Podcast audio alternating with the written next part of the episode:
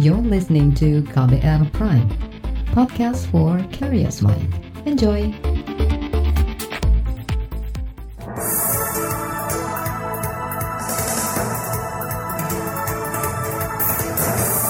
Selamat pagi saudara, kembali kami menyapa Anda dengan sejumlah informasi pilihan pagi hari ini di Buletin Pagi. Saya Eka Juli. Dan saya Sindu Darmawan, kami telah menyiapkan sejumlah informasi terkini di antaranya tidak semua masyarakat akan diperiksa rapid test COVID-19. Aktivitas keagamaan di Jakarta ditunda selama dua pekan. Stok bawang putih menipis. Inilah selengkapnya Buletin Pagi KBR.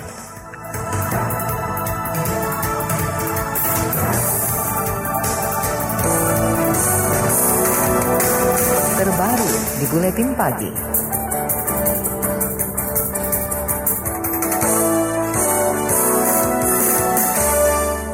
Pemeriksaan COVID-19 menggunakan metode rapid test atau pemeriksaan cepat masih belum bisa dilakukan secara massal. Ketua Gugus Tugas Percepatan Penanganan COVID-19 Doni Monardo menjelaskan, rapid test massal diprioritaskan kepada masyarakat yang memiliki kontak dengan pasien positif corona saja. Menurut Doni, tim gabungan akan mendeteksi siapa-siapa saja yang harus menjalani rapid test virus corona. Kalau seluruh masyarakat harus mengikuti atau mendapatkan rapid test ini, mungkin juga akan sulit karena akan sangat banyak penduduk kita jumlahnya 270 juta jiwa. Jadi mungkin hasil koordinasi dengan tim medis di lapangan, dengan uh, mereka yang tergabung dalam tim deteksi yang juga terdiri dari unsur-unsur gabungan, ada unsur TNI, ada unsur Polri, dan juga ada unsur dari uh, intelijen yaitu BIN, untuk bisa memberikan masukan. Sehingga itu tadi Ketua Gugus Tugas Percepatan Penanganan COVID-19 Doni Monardo. Sebelumnya, Presiden Jokowi memerintahkan agar segera dilakukan tes cepat atau rapid test dengan cakupan yang lebih luas untuk deteksi dini COVID-19. Ia juga menginstruksikan agar alat dan fasilitas pendukung rapid test segera disiapkan. Pemeriksaan dengan metode ini dinilai lebih cepat daripada tes swab yang selama ini dilakukan. Juru bicara pemerintah untuk penanganan virus corona Ahmad Yuryanto mengatakan pemerintah bakal mengupayakan percepatan pemeriksaan warga yang diduga terpapar terpapar COVID-19. Menurut Yuryanto, jika dari hasil rapid test ada warga yang positif terinfeksi virus corona namun tidak menunjukkan gejala, maka tidak akan diisolasi di rumah sakit. Tujuannya adalah untuk secepat mungkin bisa kita ketahui tentang kasus positif yang berada di masyarakat. Tujuannya adalah untuk kemudian melaksanakan isolasi. Namun tidak seluruhnya dimanai harus masuk ke rumah sakit. Pada kasus positif dengan tanpa gejala atau kasus positif dengan gejala yang ringan, tentunya akan diedukasi untuk Juru bicara pemerintah untuk penanganan COVID-19 Ahmad Yuryanto mengatakan metode rapid test yang akan dipakai menggunakan sampel darah atau imunoglobulin. Metode ini dipercaya lebih cepat menentukan hasilnya. Saudara hingga kemarin pemerintah mencatat hasil kasus positif COVID-19 di Indonesia bertambah menjadi 309 kasus, sebanyak 15 orang sembuh dan 25 orang meninggal.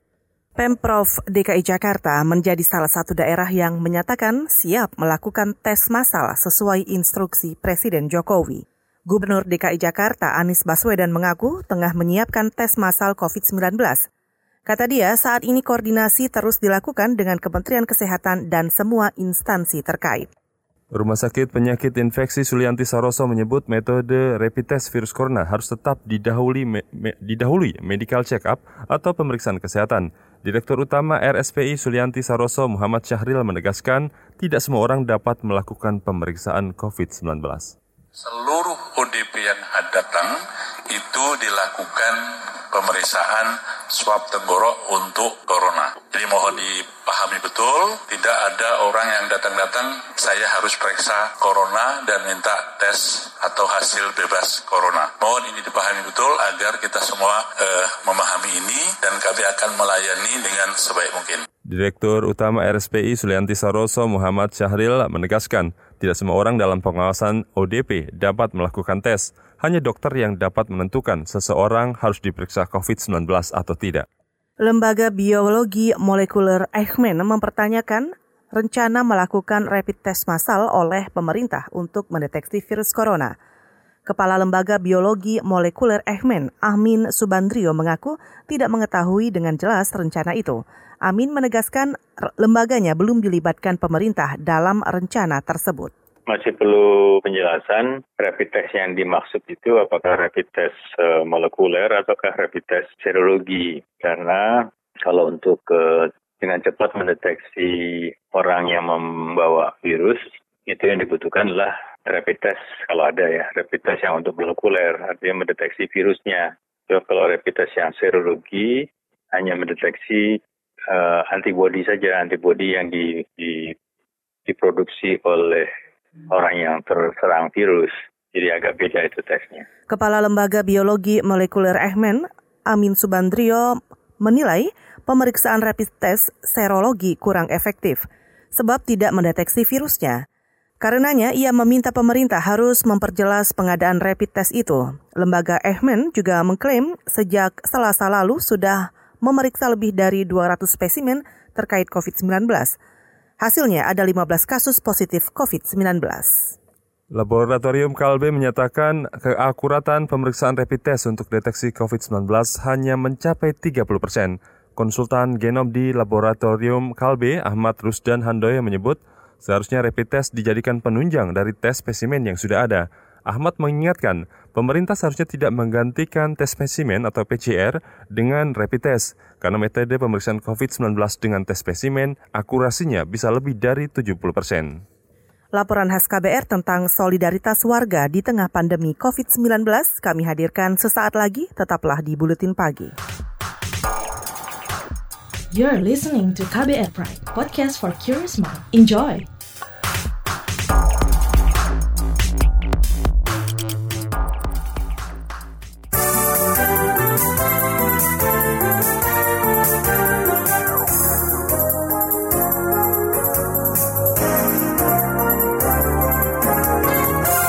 Anda sedang mendengarkan Buletin Pagi KBR, siaran KBR mengudara melalui lebih dari 500 radio jaringan di Nusantara. Anda juga bisa menyimak berita dan podcast kami di kbrprime.id. Saudara, saatnya kita akan menyimak laporan khas KBR. Seluruh lapisan sosial masyarakat merasakan dampak wabah COVID-19. Namun, masyarakat menengah ke bawah menjadi kelompok paling rentan pada masa pandemi.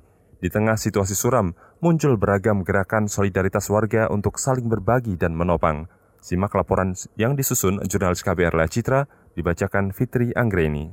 Pandemi COVID-19 turut memukul masyarakat bawah tak terkecuali di Indonesia. Pekerja harian maupun informal tak luput dari risiko penularan virus. Selain itu, pendapatan mereka ikut anjlok akibat pembatasan sosial. Situasi ini menggugah warga sipil menginisiasi gerakan sosial untuk saling membantu. Komunitas Gus Durian misalnya memprakarsai gerakan bantu ekonomi warga. Koordinator Nasional Gus Durian Alisa Wahid mengatakan, warga kelas bawah harus mendapat sokongan material agar bisa bertahan di masa pandemi. Advice paling utama adalah diam di rumah. Uh, intinya adalah orang membatasi dia uh, berinteraksi. Nah itu pasti akan memukul anggota masyarakat kita yang penghasilannya datang harian gitu, penghasilan harian, apalagi sektornya informal. Misalnya penjual bakso di pinggir jalan yang biasa selama ini di tempat-tempat keramaian. Nah aspek ekonomi ini loh yang agak berat disangga oleh kelompok masyarakat yang rentan secara ekonomi.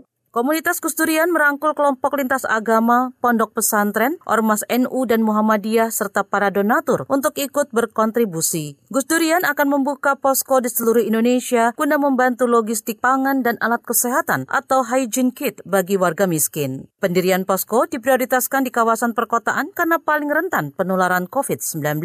Bahwa orang yang merasa terdampak dan membutuhkan bantuan untuk bisa jaga diri, jaga jarak itu, mereka bisa datang ke posko-posko tersebut dengan membawa surat keterangan miskin dari kelurahan atau RW atau surat keterangan yang nanti kita buatkan, tapi mereka nanti tinggal minta stempel dari RW atau kelurahan setempat menyatakan bahwa mereka memang bekerja di sektor informal dan atau dalam kelompok uh, 10 uh, 20 persen terbawah uh, secara income gitu. Yayasan Gerakan Indonesia Sadar Bencana atau Graysena bahkan telah memulai aktivitas sosialnya sejak Senin 16 Maret lalu. Graysena fokus membantu warga miskin yang terpaksa diisolasi karena diduga terjangkit virus corona. Ketua Yayasan Graysena Agung Firmansyah mengatakan nasib keluarga suspek harus dijamin selama masa karantina. Kami memikirkan bagaimana pemenuhan kebutuhan dasar keluarga yang ditinggalkan selama masa isolasi itu Uh, oleh karena itu dan juga sepertinya baik pemerintah maupun lembaga-lembaga serupa belum ada yang melakukan gerakan serupa, maka kami menginisiasi untuk uh, melakukan hal itu. Gresena bertolak dari pengalaman pasien suspek corona yang sempat kabur karena khawatir keluarganya kehilangan pemasukan. Hal itu terjadi pada seorang perempuan pramusaji, suspek COVID-19 yang melarikan diri saat diisolasi di Rumah Sakit Umum Persahabatan RSUP. Dia nekat kabur karena khawatir tidak ada yang mengurus anaknya yang masih kecil. Situasi serupa juga pernah terjadi di Batam. Dua pengemudi ojek daring di sana melarikan diri saat akan diobservasi usai kontak dengan warga Singapura. Jadi terhadap keluarga yang demikian itu, kami memberikan bantuan sebesar 20 ribu per kepala dikalikan jumlah uh, anggota keluarga yang tercantum di dalam kartu keluarga dikalikan 14 hari. Jadi kami memberikan bantuan itu setiap 14 hari selama masa isolasi kepala keluarga tersebut. Begitu sampai maksimal 45 hari.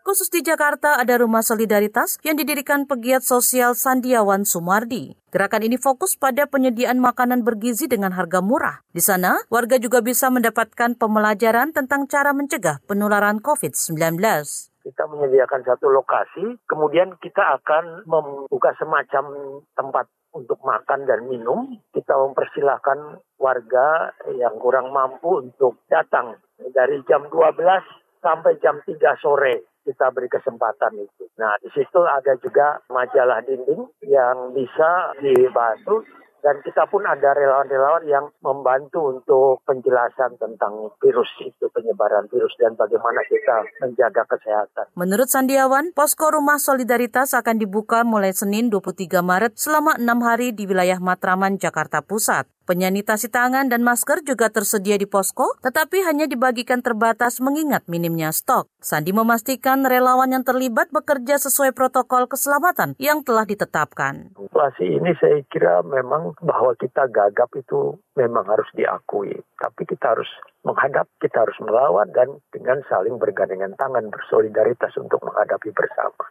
Demikian laporan yang disusun jurnalis KBR Lea Citra. Saya Fitri Anggreni. Selanjutnya kami hadirkan informasi daerah. Tetaplah di Buletin Pagi. You're listening to KBR Pride, podcast for curious mind. Enjoy!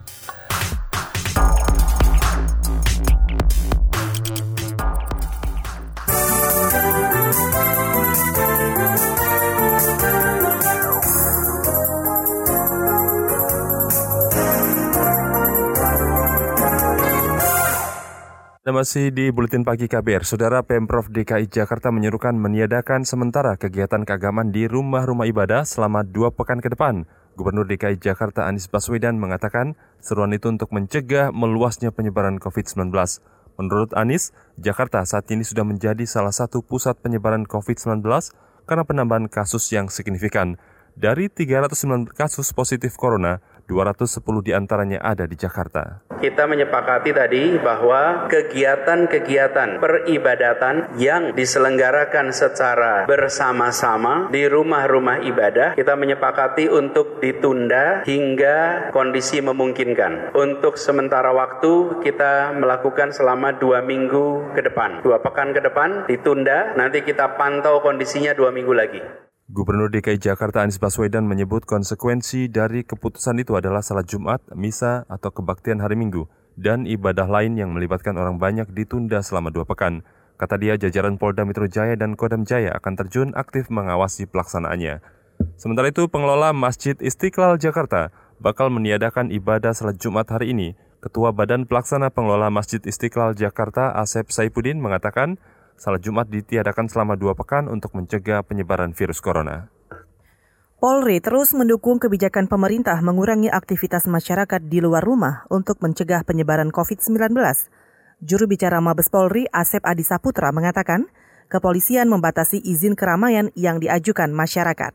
Tentunya terkait dengan izin, saat ini Polri sangat-sangat selektif ya. Kita memberikan himbauan namun sejauh ini pengajuan izin memang sudah mulai berkurang karena tentunya ada sebuah kesadaran dari masyarakat bahwa Juru bicara Mabes Polri Asep Adi Saputra menuturkan kepolisian terus melakukan sosialisasi pengurangan kerumunan dan keramaian masyarakat menyusul pandemi COVID-19. Saudara sebanyak 34 rumah sakit rujukan COVID-19 di Jawa Barat kekurangan ribuan alat pelindung diri APD. Ketua Persatuan Perawat Nasional Indonesia, PPNI Jawa Barat Wawan Hernawan mengatakan, kebutuhan APD sangat mendesak itu karena perawat merupakan petugas medis yang kontak langsung dengan pasien. APD ini sangat diperlukan bagi perawat supaya jangan terjadi kontak yang bermasalah. Contoh saja hari ini masih kekurangan APD, begitu masker, sarung tangan, goggle dan sebagainya, baju. Contoh di Tasik aja sekarang pakai jas hujan, kan kita alangkah prihatinnya. Nah, rencananya kita Jawa Barat akan memberikan bantuan. Kami belum bisa menentukan berapa besarannya karena kami baru akan adakan pertemuan dengan seluruh pengurus DPW. Mudah-mudahan ini menjadikan satu peluang untuk membantu teman-teman perawat khususnya. Ketua Persatuan Perawat Nasional Indonesia PPNI Jawa Barat Wawan Hernawan menambahkan kebutuhan APD bukan hanya untuk perawat saja, tapi juga dokter, petugas gizi, dan farmasi. Dan tidak hanya, maksud kami, Wawan mengkalkulasi, untuk satu rumah sakit dengan 10 perawat, kalau ada 3 shift jam kerja, maka dibutuhkan 30 alat pelindung diri per hari. Masih di Jawa Barat, Wali Kota Bogor Bima Arya dikabarkan positif terkena virus corona. Kemarin Bima Arya menerima hasil tes tersebut. Diduga ia terpapar virus sepulang dari kunjungan ke Turki dan Azerbaijan. Pemkot Bogor mengklaim telah menjalani semua protokol sebelum berangkat ke luar negeri. Kepala Dinas Kesehatan Bogor, Sri Noworetno mengatakan Bima Arya akan diisolasi di Rumah Sakit Umum Daerah Kota Bogor selama 14 hari ke depan. Selama menjalani isolasi, pelaksanaan pemerintahan akan dilakukan di bawah koordinasi Wakil Wali Kota Bogor. Sebelumnya, Menteri Perhubungan Budi Karya Sumadi juga menjadi salah satu pejabat yang terpapar virus corona. Setelah itu, sejumlah menteri menjalani tes virus corona, di antaranya Menteri Keuangan Sri Mulyani yang dinyatakan negatif, dan kemarin Presiden Jokowi dan Ibu Negara juga dinyatakan negatif corona. Kita ke informasi mancanegara. Sistem perawatan kesehatan di Swiss berpotensi lumpuh kalau pandemi COVID-19 terus menyebar dalam 10 hari mendatang. Otoritas Swiss menyebutkan lebih dari 2.600 orang sudah terinfeksi COVID-19 dan 19 di antaranya meninggal.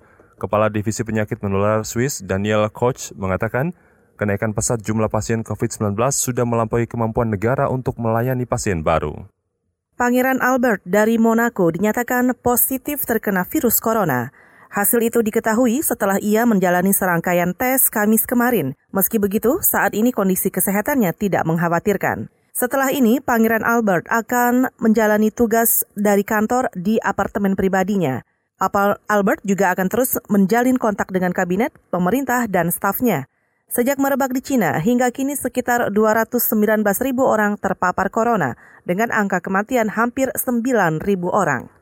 Kita ke informasi olahraga. Seluruh kompetisi sepak bola Inggris termasuk Liga Primer ditunda hingga 30 April mendatang.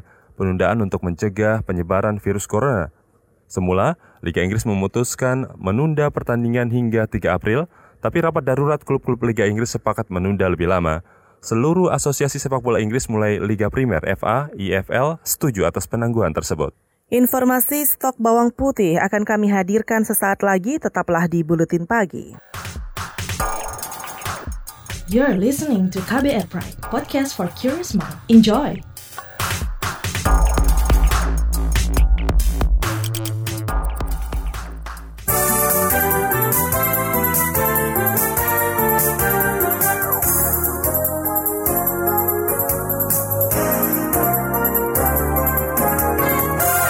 Anda mendengarkan bagian akhir buletin pagi KBR. Rapat Dewan Gubernur Bank Indonesia memutuskan menurunkan tingkat bunga suku acuan menjadi 4,5 persen pada Maret 2020.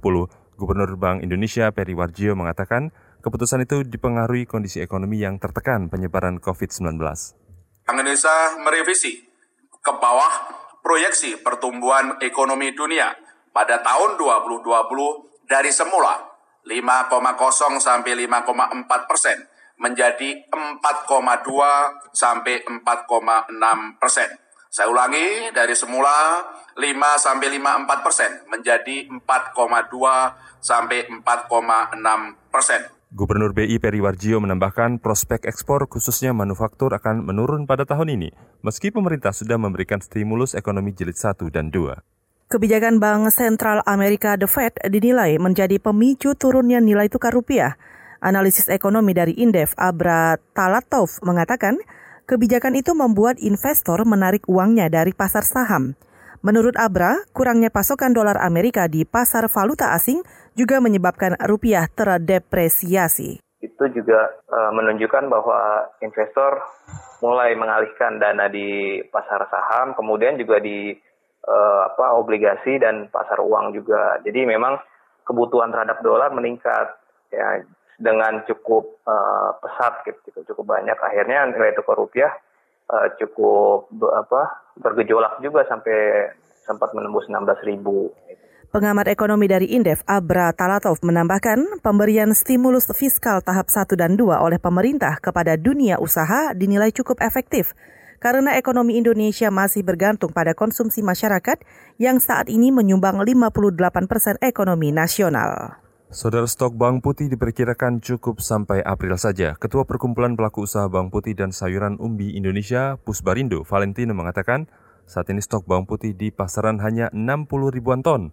Jumlah itu hanya akan bertahan sampai April jika pemerintah terlambat mengimpor bawang putih kita bilang kita perlu 160 ribu, sudah ada carry forward 60 ribu kan uh, SPI yang di yang disetujui di 27 Februari. Itu kan uh, cuma 25.600 dengan carry forward sekitar 30 ribu, taruhlah 60, 60 ribu, kita masih kurang 100 ribu. Seandainya pemerintah keluarkan saat itu segera 100 ribu, belum tentu pelaku usaha bisa realisasi 100% juga.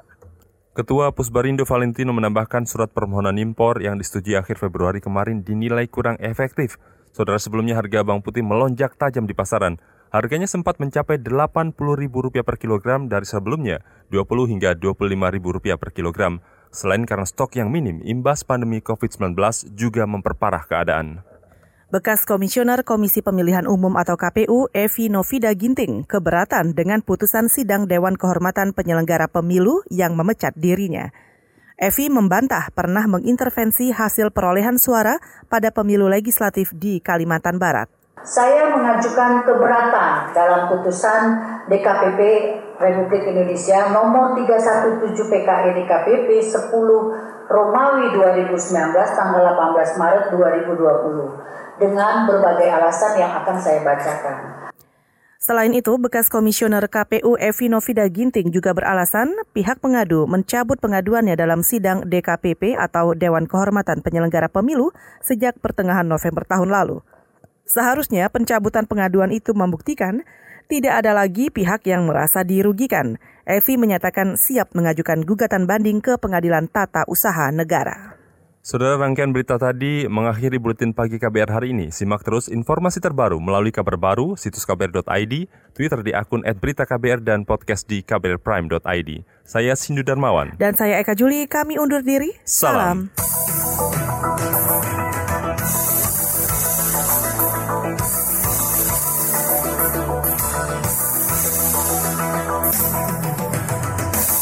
KBR Prime, cara asik mendengar berita. KBR Prime, podcast for curious mind.